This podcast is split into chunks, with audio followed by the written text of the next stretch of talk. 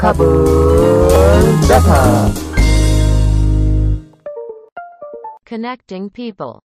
Oke, halo sobat data sekalian. Welcome back again to podcast Kabel Data. Uh, it's with me again, uh, Adin ya. Kali ini kita udah di episode ketujuh ya. Wah, uh, udah setengah lusin ya, hampir setengah lusin ya. Dan kita akan terus uh, bersuara untuk kalian para sobat data, memberikan informasi seputar teknologi dan uh, lingkungan dengan nuansa yang manja dan ciamik. Iya. Tapi again guys, uh, I'm so sad right now uh, karena partner gua masih belum bisa join nih. Uh, Bang Luk, beliau masih ada urusan di luar kota gitu. Jadi mungkin untuk beberapa episode ke depan beliau belum bisa join ya. But we'll see later, maybe in episode ke-12 atau start from episode ke-10, uh, insya Allah dia bakal join lagi. Oke. Okay. So, uh, jump to our episode right now. Kita kedatangan seorang yang fenomenal nih guys. Jadi beliau kemarin sempat viral di apa? Di laman ya, di laman website, di Instagram kampus dari Institut Teknologi Bandung ITB nih. Dengan penemuannya gitu ya. Jadi pembuatan alatnya gitu. Kita sapa aja langsung guys. Uh, halo Bro Diki. Halo. Halo, gimana nih bro uh, kabarnya? Alhamdulillah sehat. Kamu ah. uh, gimana kabarnya? Alhamdulillah sehat ya. Sekarang posisi lagi di mana bro? Lagi di Bandung. Di Bandung ya. Oh berarti kita nggak terlalu jauh lah ya? Iya. emang emang asli Bandung atau gimana ngekos gitu? Ngekos sih. Aslinya dari Padang. Oh orang awal. Iya iya iya. Nice nice. FYI gue 10 tahun di Padang tuh. Oh iya. Iya, gue dulu di uh, apa tuh? Uh, Teluk Bayur, Teluk Bayur. Oh iya iya, tahu tahu. Uh, kalau lu di mana? Padangnya di dekat kampus Unan. Oh berarti di luar kau ini dong, kabupaten dong, kabupaten Agam ya? Bukan, uh, masih di kota Padang. Cuman yang di arah-arah bypass gitu. Oh, oh iya iya, oke oke oke sip. Berarti SMA kemarin memang dari Padang ya? Iya. Oke, menarik, menarik. I see, I see, I see. Well, uh, before we jump nih, uh, Ki, kan para pendengar nih pada penasaran nih kan. Uh, keseharian dan your daily life lah ya gitu ya. Nah, boleh di-spill nih uh, secara singkat tentang lu dan keseharian yang sedang dijalani saat ini. Oh, oke okay, oke. Okay. Uh, halo semuanya, kenalin nama gue Diki Dwi Putra, biasa dipanggil Diki uh, gue dari jurusan teknik telekomunikasi ITB. Kalau untuk keseharian sih, uh, gue udah masih setingkat akhir ya. Udah nunggu jadwal sidang. Kalau kesibukan saat ini lagi intern di perusahaan startup di Indonesia. Waduh, mantap sekali. Hmm, ya. Bisa di spill nggak tuh? oh, iya. Nggak bisa ya? oh, boleh, boleh, boleh. Oh, iya. Lagi intern di Tokopedia. Waduh. Keren keren keren keren. Oke oke oke. Gitu sih paling kan kalau uh, ya. Oke, berarti sekarang tingkat akhir ya Telkom ya? Iya, Telkom. Kalau nggak salah Telkom itu ada ini nggak sih apa? Uh, fokus disiplin yang radar sama apa ya itu ya? Iya, ada radar sama telematika namanya. Nah, itu uh, lu milih yang mana tuh? Kalau gue lebih telematika sih. Oh, kenapa tuh? Kenapa telematika? karena simpelnya radar itu agak sulit ya. Maksudnya kalau yang gue yang apa namanya, yang passionnya lebih ke telematika karena uh, kalau ibaratnya kalau di telematika itu ada ilmu codingannya gitu. Hmm. Jadi lebih gue sukai lah gitu dibandingin radar. Kalau radar itu kebanyakan yang belajar, kayak belajar antena, belajar konfigurasi buat nge-build antena gitu-gitu. Oh, radar itu konfigurasi antena ya, sinyal ya. Kalau telematika lebih yeah. ada ngoding-ngodingnya ya. Iya, yeah, benar. Kayak hmm. routing, switching gitu-gitu juga. Networking juga ante telematika biasanya. Oh, berarti kayak wifi LAN itu telematika? Iya. Yeah. Oh gitu, menarik, menarik. I see, I see, I see. Yes, yes. Oke, okay. Nah terus ini gini di, jadi ceritanya kemarin gue dapet kabar katanya ada tim uh, mahasiswa ITB yang juara lomba paper marine science ya. Jadi dia bawa mereka bawa topik tentang PLTS portable gitu guys. Nah jadi gue langsung telusur tuh kan siapa gitu. Nah salah satu dari tim itu si Brody kita ini di Dwi Putra gitu. Jadi kalau dari yang gue info ya kemarin itu sempet juara satu paper PLTS portable ya. Itu awal mula kepikiran buat itu karena apa tuh? Bisa diceritain nggak tuh? Oh ya boleh. Jadi uh, ide ini sendiri munculnya tahun 2018 waktu itu. Mm-hmm. 18 karena sebelumnya gue uh, apa namanya pengen ikutan PKM gitu. Mm-hmm. PKM. Jadi uh, explore explore itu kan kayak explore explore masalah di mana. Karena fokusnya waktu itu mau ikut PKMKC karya karya, ya, karya cipta gitu. Yang emang constraint-nya itu bikin suatu produk teknologi itu. Nah, jadi waktu habis apa namanya? waktu nge-research masalah-masalahnya apa tahun 2018 itu ke 2019 itu yang lagi kondisi uh, Indonesia waktu itu ada gempa bumi di, di Palu waktu itu kalau lo masih ingat. Hmm. Tahun September 2018 itu hmm. gempanya lumayan kenceng sampai ada tsunami juga kalau nggak salah. Wih. Itu gempanya sekitar 7,4 skala Richter. Nah, akibat dari gempa itu ada sekitar 5 gardu induk PLN yang rusak waktu itu. Wow. Ada kalau gue nggak salah ingat ada namanya gardu induk Parigi, Sedera, Silai, Talise dan Pasang Kayu kalau nggak salah waktu itu. Ada lima gardu induk yang emang emang apa namanya jadi supplier utama listrik di Palu lah gitu hmm. di Sulawesi.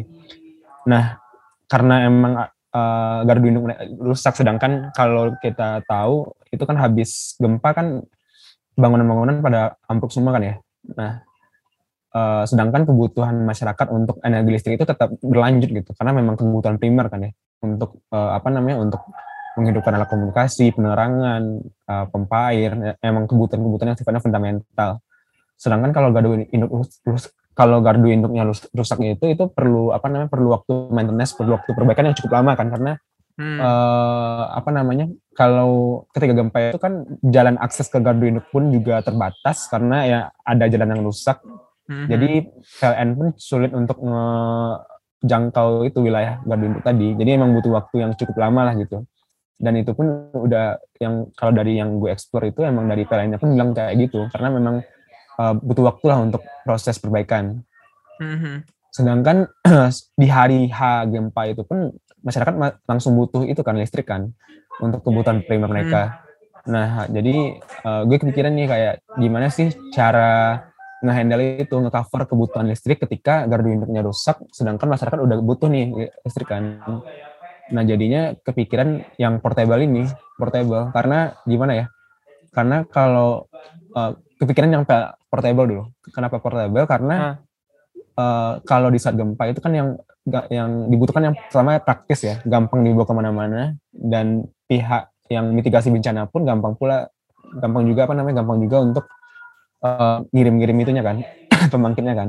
Oke. Okay.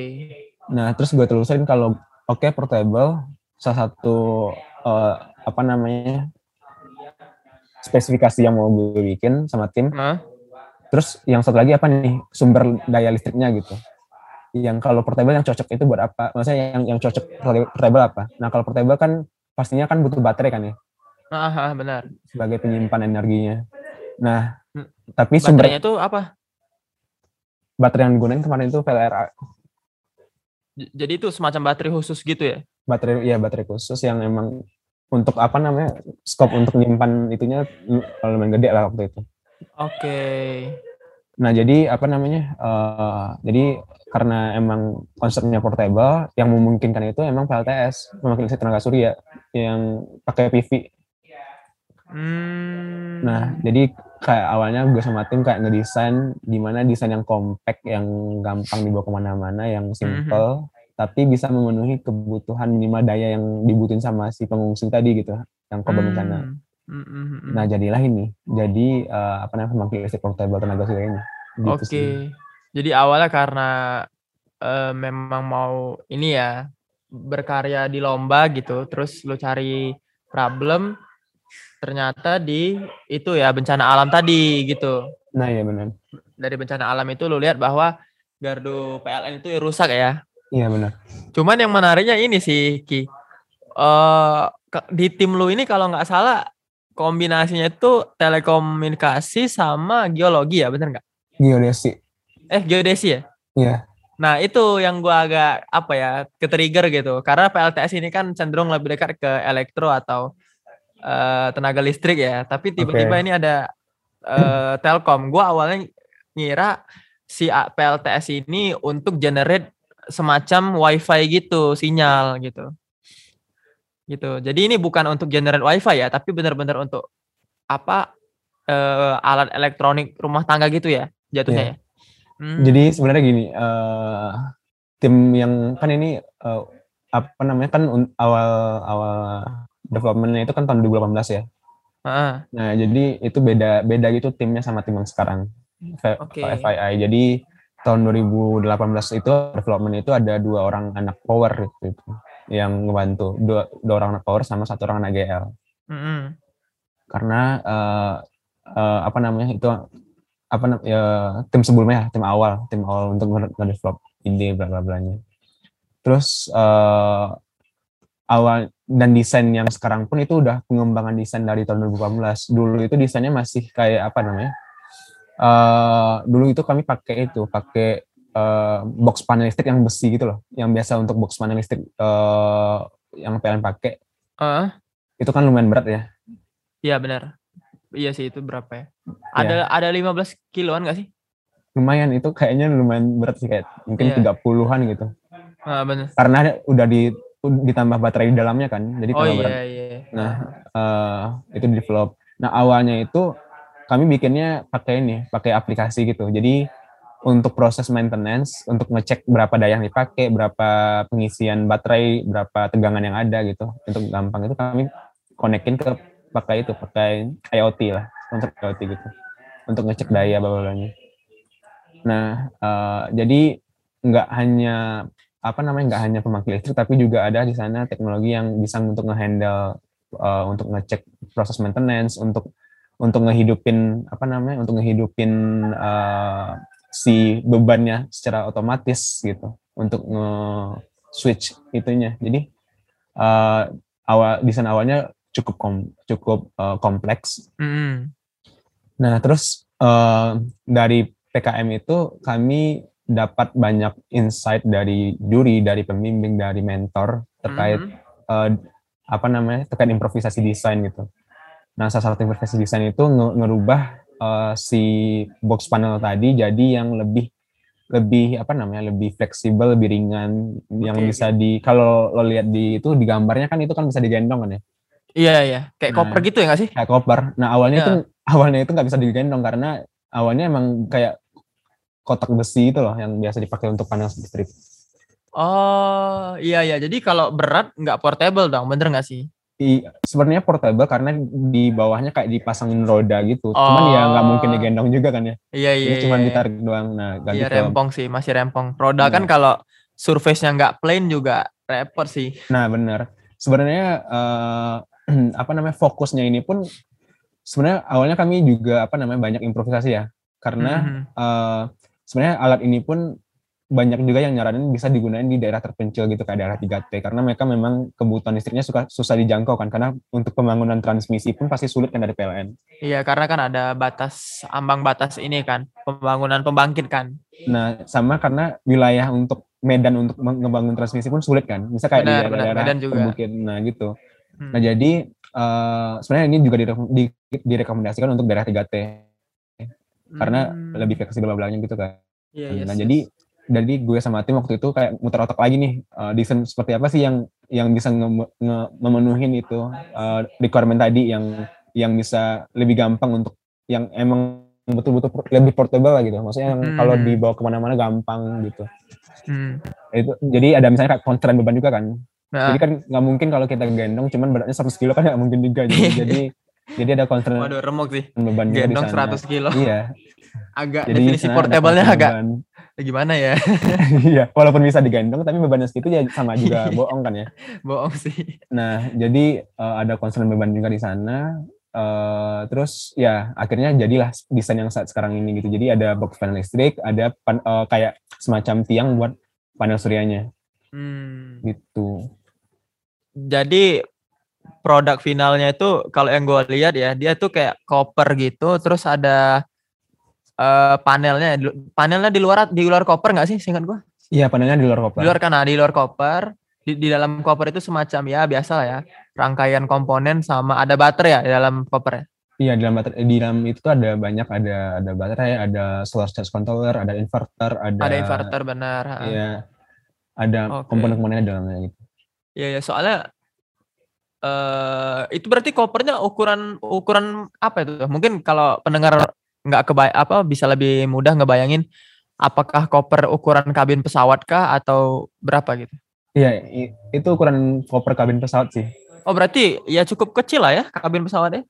I, i lumayan, cukup lumayan. Dimensinya berapa kali berapa itu? Di ini sekitar Kim, masih boleh di spill nggak? boleh boleh sekitar mungkin untuk tinggi, 20 tingginya sekitar 30 cm kali 3 kali berapa? 40 gitu. mm, 40 kali 50 deh kayaknya. 30 kali 50 gitu. Oh Iya. iya iya. Nah, sebenarnya kan kami juga sebelumnya kan compare dulu kan Oke, sama beratnya berapa? Ber- berat beratnya itu berapa kopernya? Kalau di kalau berat yang ininya eh, device itu. udah sama itunya, udah sama yang di dalamnya. Mhm, udah sama dalam ya? Akhirnya kalau udah dihitung sama di dalamnya itu awalnya kan kalau besi itu kan bisa sampai 30 kilo kan. Kalau ini akhirnya 14 kilo sih sebenarnya. Jadi jauh lebih ringan. Hmm. Jadi kalau untuk di apa namanya digendong kayak tas pun masih masih apa namanya masih memungkinkan lah gitu. Kalau untuk jarak-jarak jauh gitu. Oh, iya iya iya. Iya, cu, inilah definisi portable memenuhi lah ya. Iya. Jadi kayak oke, tadi kan nice, nice. ada requirement minimum maksimum beban gitu kan. Nah, itu terpenuhi Hmm. akhirnya. Iya iya iya. Nah, tadi kan lu mention eh PLTS portable ini penanganan bencana ya. Salah satu tadi gempa bumi gitu. Yang menyebabkan power shortage gitu kan. Jadi ada off gitu ya, shortage kem, eh, kemat apa? Ya off ya, kondisi off dari power supply gitu. Yaitu tadi gardu PLN tadi. Nah, eh, ini gua eh pengen lebih tahu nih gitu. Emang seberapa tinggi ya kemungkinan bencana itu dan dampaknya terhadap listrik atau persinyalan nih gitu. Oke sih. Jadi sebenarnya kalau kita ngomong bencana ya sebenarnya kalau dari PLN itu ada ada kayak semacam SOP gitu penanganan dini, penanganan kayak early prevention gitu lah. Untuk, Aha. untuk gardu listrik karena memang emang kebutuhan pokok lah ya ibaratnya. Jadi dari dari PLN lo dari PLN itu udah sebenarnya udah ada kayak semacam SOP-nya lah kalau ada bencana gimana penanganannya dan eh, dari segi pembangunan dari segi pembangunan PL eh, pembangkit listrik pun sudah ada requirement tersendiri kan biar gam, gimana tahan tahan gempa dan lain sebagainya. Nah cuman kalau kita lihat itu eh, apa namanya case-case itu apa eh, based on case kan maksudnya misalnya kalau gem- gempanya lumayan gede dan dan wilayahnya juga apa namanya juga dalam kondisi yang bisa kayak di Palu ini contohnya yang bisa mengakibatkan PLT eh, pembangkit listriknya rusak lumayan gede gitu. Jadi eh, SOP yang tadi itu nggak nggak berlaku secara general gitu loh. Oke, jadi eh, memang udah ada prevention, cuman eh, tadi belum berlaku general gitu ya? Maksudnya eh, bukan berlaku general tapi ibaratnya gini, eh, ada kemungkinan-kemungkinan yang mana eh, PL ada kemungkinan-kemungkinan eh, si PLTS-nya itu rusak gitu. Bisa jadi karena eh, ada yang rubuh atau gimana juga. Nah sebenarnya kalau untuk Hmm. kerusakan apa namanya kalau gue lihat di video ya waktu nge research latar belakangnya ini itu kalau Mhm. dilihat dari itunya eh, tiang-tiang transmisinya ada yang roboh gitu. Widih, buset. Nah itu, nah jadi mungkin salah satu eh, penyebab itunya juga gitu kan. Jadi kalau biar apa namanya biar kondisinya juga aman dan dan sekeliling kualitasnya juga aman, mungkin dilakukan pemadaman dulu. Aha. gitu. Oh, oke. Jadi memang bencana alam di Indonesia tuh eh, bisa dibilang cukup ini ya, cukup mematikan ya untuk ini ya kayak gardu atau mungkin tiang listrik gitu ya. Banyak Iya. kasus-kasusnya banyak ya itu ya Ki ya di, di Indo ya. Banyak, cuman nggak selalu sih. Maksudnya kayak gini, eh, ada juga bencana gempa gitu yang nggak nggak nggak nggak apa ya nge-efek ke itu ke gardu listrik ada juga. Cuman kebetulan kami ngambil eh, ngambil use case-nya ngambil case-nya itu di kondisi yang emang kayak gitu maksudnya kayak gardunya mengalami kerusakan yang cukup berat jadi Oke. proses maintenance-nya cukup lama gitu Oke, I see, I see, I see. Yes, yes. Benar sih, benar. Ya itu memang agak ini ya depends on the location juga ya. Mungkin kayak Nah, benar. kalau dia tempatnya dekat sama sirkum apa gunung api itu ya kayak Padang, terus apa apa, Makassar gitu-gitu, Palu ya. Mungkin Iya. lebih efeknya lebih parah ya dibandingin sama let's say kayak Bandung ya gitu. Bandung kan jauh ya dari sirkum gunung api ya gitu. Jadi Iya. lebih chill gitu kan. Nah, iya benar. Iya, iya. Nah, cuman kan kita tahu PLTS ini intermittent ya, eh, Ki. Jadi maksudnya eh, konversi dayanya itu nggak stabil karena tergantung dari intensitas penyinaran matahari kan. Nah, benar. Nah, Nah, benar. Terus dari alat yang lu buat itu, ada nggak spesifikasi beban maksimum yang bisa disupport? Misal eh, kita bisa support 5 setrikaan untuk tiga jam, misal gitu. Ada nggak spesifikasi gitu? Oke, oke. Jadi sebenarnya kalau untuk dari daya sendiri yang bisa disimpan sama, maksudnya yang sifatnya default ya, tanpa sebenarnya sistem ini bisa kayak ditambahin bak- baterai eksternal gitu loh. Jadi untuk eh, misalnya untuk eh, penambahan kapasitas daya, jadi bisa dipakai dua baterai gitu.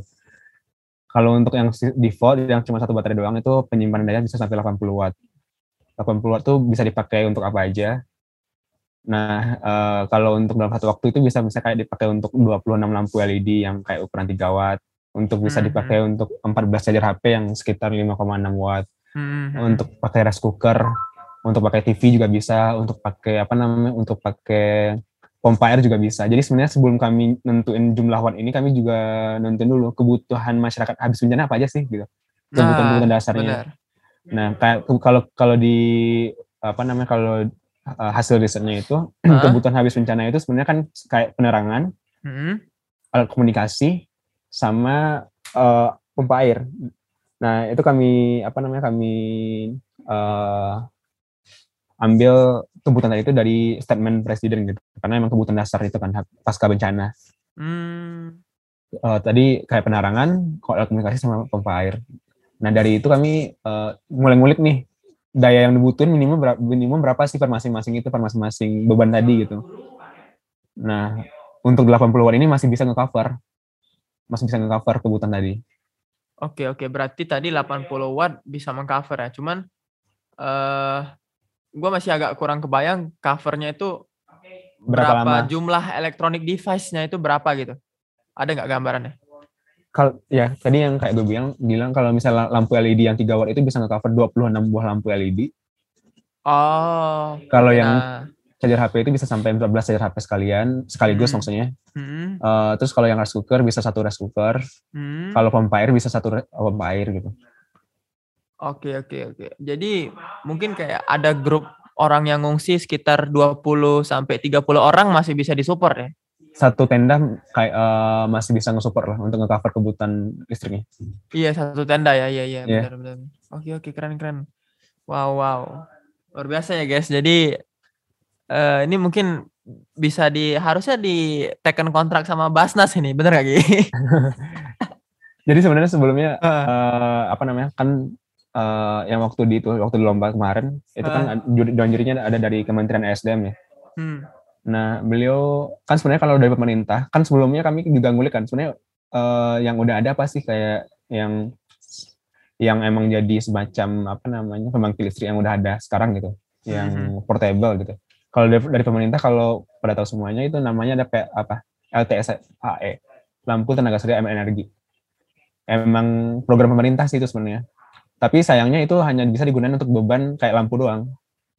Hmm. Jadi nggak bisa digunakan untuk beban lain. Maksudnya lampu itu AC ya, Ya lampu AC. lampu AC. Jadi eh, apa namanya lampu? Eh jadi bentar guys. Bentar Ki, nanti ada yang eh, teman-teman yang bertanya gitu. Jadi maksud AC ini bukan AC penerang eh apa pendingin ruangan ya guys. iya, Maksudnya itu eh kan dalam listrik itu ada dua sinyal ya. Jadi ada sinyal satu arah DC direct, ada AC gitu. Nah, maksud AC karena mengikuti jalur PLN ya Ki ya. iya. Jadi dia bolak-balik gitu. Oke, sok-sok dilanjut Ki.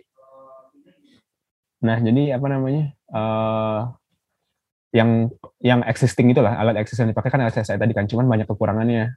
Mhm. Dari segi daya pun dia kecil banget gitu. Dan dan harga per unitnya itu lumayan gede, sekitar 3 jutaan. Jadi Hmm, jadi kami nge-compare biar ada apa namanya solusi yang baru lah yang bisa nge-cover yang yang nggak bisa di-cover sama LTSAE. Jadi oke. nah sedangkan kalau yang uh, sistem yang kami gunain ini itu bisa nge-cover AC, uh, beban ACDC. Jadi nggak hanya lampu tapi juga uh, beban kayak tadi uh, apa namanya pompa air, terus uh, komponen alat komunikasi kayak nge-charge HP gitu. Oke, oh iya dia ke DC juga bisa ya, keren. Iya.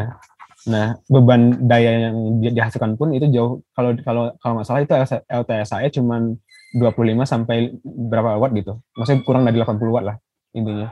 Sedangkan kalau yang ini yang Heeh.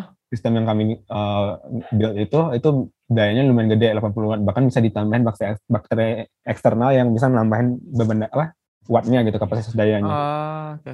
Eh tapi BTW PLTS kali ini ada nama trademarknya nggak? Nama bekennya gitu di kayak apa gitu? Smash misalnya atau apa? Ah. Ada nggak namanya gitu? Ada ada namanya speed. Speed. S P I T S. SPITS apa itu speed? Speed apa itu? Solar Power Plant with Internet of Things System namanya. Solar power plant with Internet of Things system. System ya. Anjay, gokil guys. Jadi speeds ya. Iya. Wah, gokil. Itu keren tuh, beken banget tuh. Sip sip. Jadi sebenarnya kalau yang lanjutan yang tadi kan wak- dari Bapak Kementerian SDM-nya waktu itu kan tertarik karena memang eh, beliau bilang yang existing itu baru LTSAE sedangkan untuk yang kapasitas ACDC belum belum ada pengembangan nih gitu katanya. Hmm. Eh, terus dia tertarik untuk kerjasama eh, untuk kerjasama untuk pengembangan gitu. Jadi Hmm. ya gitu sih. Oke oke. Berarti mungkin ke depan bisa ada venture ya, kerja sama bareng ya sama kementerian ya. Iya, insya Allah. Oke, amin amin kita doakan yang terbaik lah ya guys ya, mudah-mudahan. Well, nah ini kan ada dalam pembuatan proses eh, device ya, produk gitu, pasti kan ada lika-liku ya gitu. Dari mulai senang susah dan ya proses lain-lainnya gitu. Bisa di spill nggak nih yang paling memorable gitu dari perjalanan speech ini apa nih Ki? Ya, eh, kalau apa namanya kalau ngebangun alat from scratch itu yang paling sulit itu ide sih sebenarnya. Kalau Hmm. gue pribadi ya, Hmm. karena karena eh, kalau kita eh, kalau dipikir-pikir itu kan pasti banyak gitu loh masalah yang ada di Indonesia kan. Benar, benar. Masalah cuman yang mau kita jadi fok- yang kita mau jadiin fokus itu apa sih gitu. Yang Hmm. maksudnya kita pun bisa nge kayak cariin solusinya gitu. Nah, di tahap selesai ide terus implement- implementasi kan, implementasi. Nah, kalau kita mahasiswa kan apa namanya? keterbatasan di dana kan ya untuk nge- nge-implement ide tadi gitu. Iya, benar. nah, eh, beruntungnya karena kemarin itu ikut PKM itu dari pemerintah kan ada dana penelitian kan ya. Mhm. Nah, cuman sistemnya reimburse gitu dan dan alhamdulillah dari ITB sebelum dan- dana itu keluar dari eh, pemerintah itu ada reimburse juga dari ITB-nya. Oh, oke. Jadi Dan- memang jadi gimana ya? Kalaupun gue diskusi sama teman-teman lain kan sebenarnya kalau untuk nge, eh, nge nge-build sebuah ide gitu, maksudnya buat implementasinya itu emang keterbatasan utama di dana sih sebenarnya. Karena ya kita sama-sama tahu ya kalau komponen listrik itu lumayan harganya lumayan mahal Mhm, iya. dan apa namanya eh, ya kayak baterai aja itu lumayan mahal juga. Terus eh, tapi kan kita nggak mungkin nurunin trade off in kualitas kan Oh iya, benar, benar. pas biaya kan karena memang nanti malah jadi malah eh, Malah jadi nggak tercapai tadi tujuan solving Iya. problemnya kalau kualitasnya turun kan. nah benar. Jadi kan nggak mungkin kan oh karena biayanya segini kita eh, eh, pakai yang kualitasnya gini-gini gitu kan nggak mungkin. Eh, jadi kita tetap eh, ada quality controlnya. Cuman ada concern juga nih sama biaya gitu. Concern juga sama biaya. Terus Mhm. diskusi lah waktu itu sama dosen bla bla bla gitu. Gimana eh, cara cara ini idenya terimplementasi sesuai sama sama desain. Tapi biayanya bisa masih bisa nge-cover gitu nah itu emang waktu itu agak muter otak sih terus waktu eh, implementasinya tentu nggak langsung sekali jadi gitu kan ya jadi Iya, iya. eh, banyak eh, apa Kegagalan dulu lah ya. kegagalan pasti ya. dulu benar ya kegagalan jadi kadang kadang eh, sistemnya udah dibangun terus ada aja yang dibongkar gitu ada aja yang diganti ya waktu pengujian kan itu kan eh, sebenarnya kan dari PLN itu ada apa namanya ada standar standarisasi tersendiri ya untuk pembangkit listriknya ada namanya SPLN gitu yang Mhm. buat pembangkit listrik biar biar eh, apa namanya beban yang dipasang ke pembangkit listrik itu enggak nggak mengalami kerusakan. Jadi ada standarisasinya sendiri lah gitu. Uh, jadi kami juga melakukan pengujian kan, pengujian pakai uh, pengujian yang apa namanya untuk mengukur tegangan itu biar gelombangnya uh, apa namanya sesuai sama standar PLN dan frekuensi yang dihasilkan juga sesuai sama standar PLN gitu. Mhm. Uh, karena kalaupun untuk komersialisasi dan penggunaan di masyarakat tentu nggak apa namanya butuh pengujian kan ya. Jadi kan kita nggak mungkin uh, apa namanya langsung lepas barang hasil riset doang. Tapi kalau nggak ada pengujiannya kan juga nggak ada apa namanya uh, semacam uh, kita nggak tahu nih resiko alat ini nanti gimana gitu. Benar, benar. pengujian. Nah jadi uh, untuk bisa sampai sesuai dengan standar tadi itu banyak juga rintangannya. Ada yang uh, apa ganti ganti rancangan desain bla bla blanya gitu. Itu juga butuh waktu. Sama apa namanya? uh, Uh, Mungkin Masa- kalian ada ini nggak survei ke lokasi gitu nggak? Pernah kayak eh kalian ke lokasi survei pemetaan geologis atau gitu-gitu ada nggak? nah, jadi kan kalau di tim awalnya itu kan ada anak GL juga ya. Heeh. Anak GL. Jadi uh, Eh GL atau geodesi? Tadi geodesi perasaan. yang terak- yang tim awal banget itu GL, tim Hah? baru ini GD. Jadi kan ada rotasi tim gitu karena ada yang lulus juga gitu. Oh, oke oke terus terus. Karena ya, karena kebetulan ada anak GL, jadi juga kayak ngasih inputan tentang apa namanya tentang oh, untuk wilayah ini potensi energi surya gimana sih gitu. Hmm. Jadi kan itu memang karena apa namanya karena kami butuh intensitas cahaya matahari kan ya, bu- bukan hanya semacam sinar aja gitu. Benar-benar matahari. intensitas. Iya, iya. Iya kan, karena intensitas. Jadi itu juga jadi concern utama untuk nentuin eh, berapa lama baterai bisa ter- terisi penuh, gitu kan jadi juga jadi concern utama untuk pengembangan ini.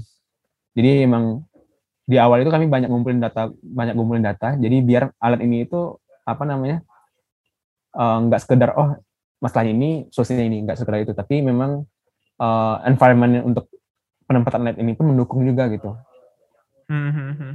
jadi nggak apa namanya alatnya nggak nggak nggak apa namanya nggak useless gitu lah ibaratnya Oke, I see, I see. gitu sih Sip, sip, sip, sip. Oke, berarti tadi ya seperti biasa ya, namanya dari sebuah hasil itu ada justru proses yang begitu panjang ya nggak? Iya sama mungkin ini sih yang Apa? yang yang paling terasa itu karena waktu itu kan 2018 masih mahasiswa ya masih kayak tingkat berapa gitu Haha. jadi concern waktu kuliah juga u- Oh iya. ada ujian juga ada praktikum segala macamnya yang yang ya untuk Ja- apa namanya bagi waktunya Bisa emang ketunda ya, gitu-gitu ya. iya maksudnya untuk bagi waktunya pun uh, agak sulit lah gitu soalnya kan kalau beda-beda jurusan kan pasti beda-beda waktu juga kan ya Oh iya, benar. Nah, jadi untuk waktu bisa diskusi bareng itu kadang malam atau emang kadang di weekend gitu baru bisa uh, nge hands on ini apa idenya gitu. Iya, ya, malah masing-masing kan kayak entah mungkin ada project pribadi juga ya kan. Nah, ya benar. Itu jadi salah satu ya time management dari tim itu memang salah satu yang tersulit sih gitu. Iya, Karena Sama- kan progres ditentukan dari situ kan. iya benar. Kalau ngebangun tim itu emang uh, ya namanya juga kerja sama tim ya. Jadi emang segalanya sih dari mulai waktu, ego, segala segalanya sih. Biar Hmm. karena balik lagi sih ingat ketujuan kita di awal itu bikin apa gitu. Jadi itu kayak semacam reminder buat tetap terus bisa nyelesain alat ini sih gitu. Yes, yes, benar-benar banget. Tadi yang eh apa ya, yang gua sedikit highlight tentang tadi lu banyak gagal juga ya buat Iya. alatnya ya gitu ya. Iya. Iya juga. Jadi gitu guys. Jadi tidak seindah yang dipikirkan tiba-tiba buat pasang-pasang-pasang colokin duar berhasil nggak gitu ya kan Iya benar. kalau gitu enak banget ya Iya. ya, ya ibaratkan gunung es lah ya pasti banyak pelajaran dulu ya Iya. experience dulu ya. Nah, talking about experience, eh a- ada pesan khusus gak nih dari Loki untuk eh, pendengar kita gitu kan, biar mereka lebih terpacu lagi nih untuk tetap konsisten dan tekun dalam berkarya gitu. Oke. Sebenarnya kalau intinya sih apa namanya kalau ada ide atau niatan itu langsung kerjain aja gitu. Nah, oke. eh, kan kita kan pengen ngeimplementasi Langsung gas aja ya, langsung gas aja. Jadi jangan walaupun nunggu. idenya masih kasar gitu ya, Iya. sikat aja ya. walaupun kayak emang ya from the scratch gitu, maksudnya yang emang kosongan gitu, emang baru ngebuild dari awal gitu. Mulai langsung aja karena kalau kita nunggu-nunggu itu kan kita iya diundur-diundur akhirnya nggak jadi kan. Mm-mm. Jadi kalau ada, nah kalau saran gue sih sebenarnya apa namanya ada yang nge-trigger gitu loh. Din. Jadi misalnya kayak gini, kalau kita bikin satu, satu alat tapi kita nggak tahu nih alat ini eh, apa namanya ujungnya ke mana gitu, pasti kan kita nggak ada motivasi buat nyelesainnya kan. Mm-mm. Nah misalnya kalau ada lomba atau ada semacam ya kayak semacam lomba lah atau atau semacam publikasi yang mau kita jalanin, itu kan jadi trigger kita kan. Oh ada target kan kalau lomba kan ada eh, kayak semacam apa namanya eh, deadline deadline untuk submit bla bla blanya gitu kan ya. Nah ini tuh untuk nge-trigger kita juga untuk nge-nyelesain idenya tadi gitu. Jadi eh, ada faktor intrinsik untuk kita motivasi untuk ngebuat sistem, ada juga faktor ekstrinsik yang kayak mendukung kita untuk bisa nyelesain si sistemnya tadi gitu. Jadi eh, mungkin bisa jadi dari lomba atau bisa jadi dari publikasi atau bisa jadi dari workshop atau apa kayak gitu yang yang yang bisa nunjang itu tadi. I see, I see, I see. Oke, oke. Berarti itu ya. eh, gua sedikit ini ya teringat dengan quotes bahwa perfect comes from process gitu. Jadi Ya, kita nggak benar. bisa mau mendapatkan suatu goals, tujuan atau dalam kasus lu berarti produk ya. Itu Ya. kita langsung perfect, tapi kita just do the things gitu. Atau kata Nike just do it, ya nggak? Ya, kita lakukan aja dulu nanti seiring berjalan waktu kan lama-lama perfect juga gitu ide yang awalnya tadi tercipta gitu Nah sebenarnya oh, mungkin saran satu lagi sebenarnya ah yang kenapa tuh kenapa yang cukup apa namanya cukup eh, penting lah gitu ya. Eh, kan kalau itu kan kita kan nggak bisa kerja sendiri kan ya butuh tim gitu. Butuh tim Benar. yang butuh tim yang emang kompatibel untuk ngerjain sama yang eh, cocok sama eh, komunikasi kita gitu. Hmm, kadang ada yang kita anggap kompatibel cuman ketika kita komunikasi agak susah gitu ya gimana ya? Akhirnya akhirnya banyak eh, miskomunikasi akhirnya nggak selesai gitu. Nah eh saran gue itu teamwork itu sangat penting ya untuk keberlangsungan implementasi sebuah ide. Jadi eh, apa namanya teman-teman yang mau eh, apa namanya memulai itu cari teman-teman yang cari eh, apa namanya teman-teman tim yang emang satu memang klop visi ya saling emang klop. Mm-mm. visinya sama jadi Heeh. ketika mereka ada ya namanya orang pasti ada yang up and down up and and down gitu kan ya jadi ketika mereka lagi di fase itu kita ada reminder nih karena visi kita tadi sama kan ya buat Mm-mm. nyelesain ide tadi atau ikut lomba gitu nah gitu sih sebenarnya oke oke oke dan yang jelas komitmen untuk konsisten ya tekun gitu ya. Nah benar. Sampai Walau- sampai selesai gitu. Ya walaupun semuanya ada kesibukan masing-masing tapi karena tadi ada hal yang dicapai ada apa namanya komitmen yang tadi ya di awal. Karena kalau misalnya kita emang pengen ngejar sesuatu nih gitu itu bisa bisa ngebantu buat bisa nyelesain si implementasi ide tadi sih. Oke, luar biasa. Keren-keren guys. Diki Dwi Putra keren. Dengan speech ya tadi ya. Solar power plan apa tadi?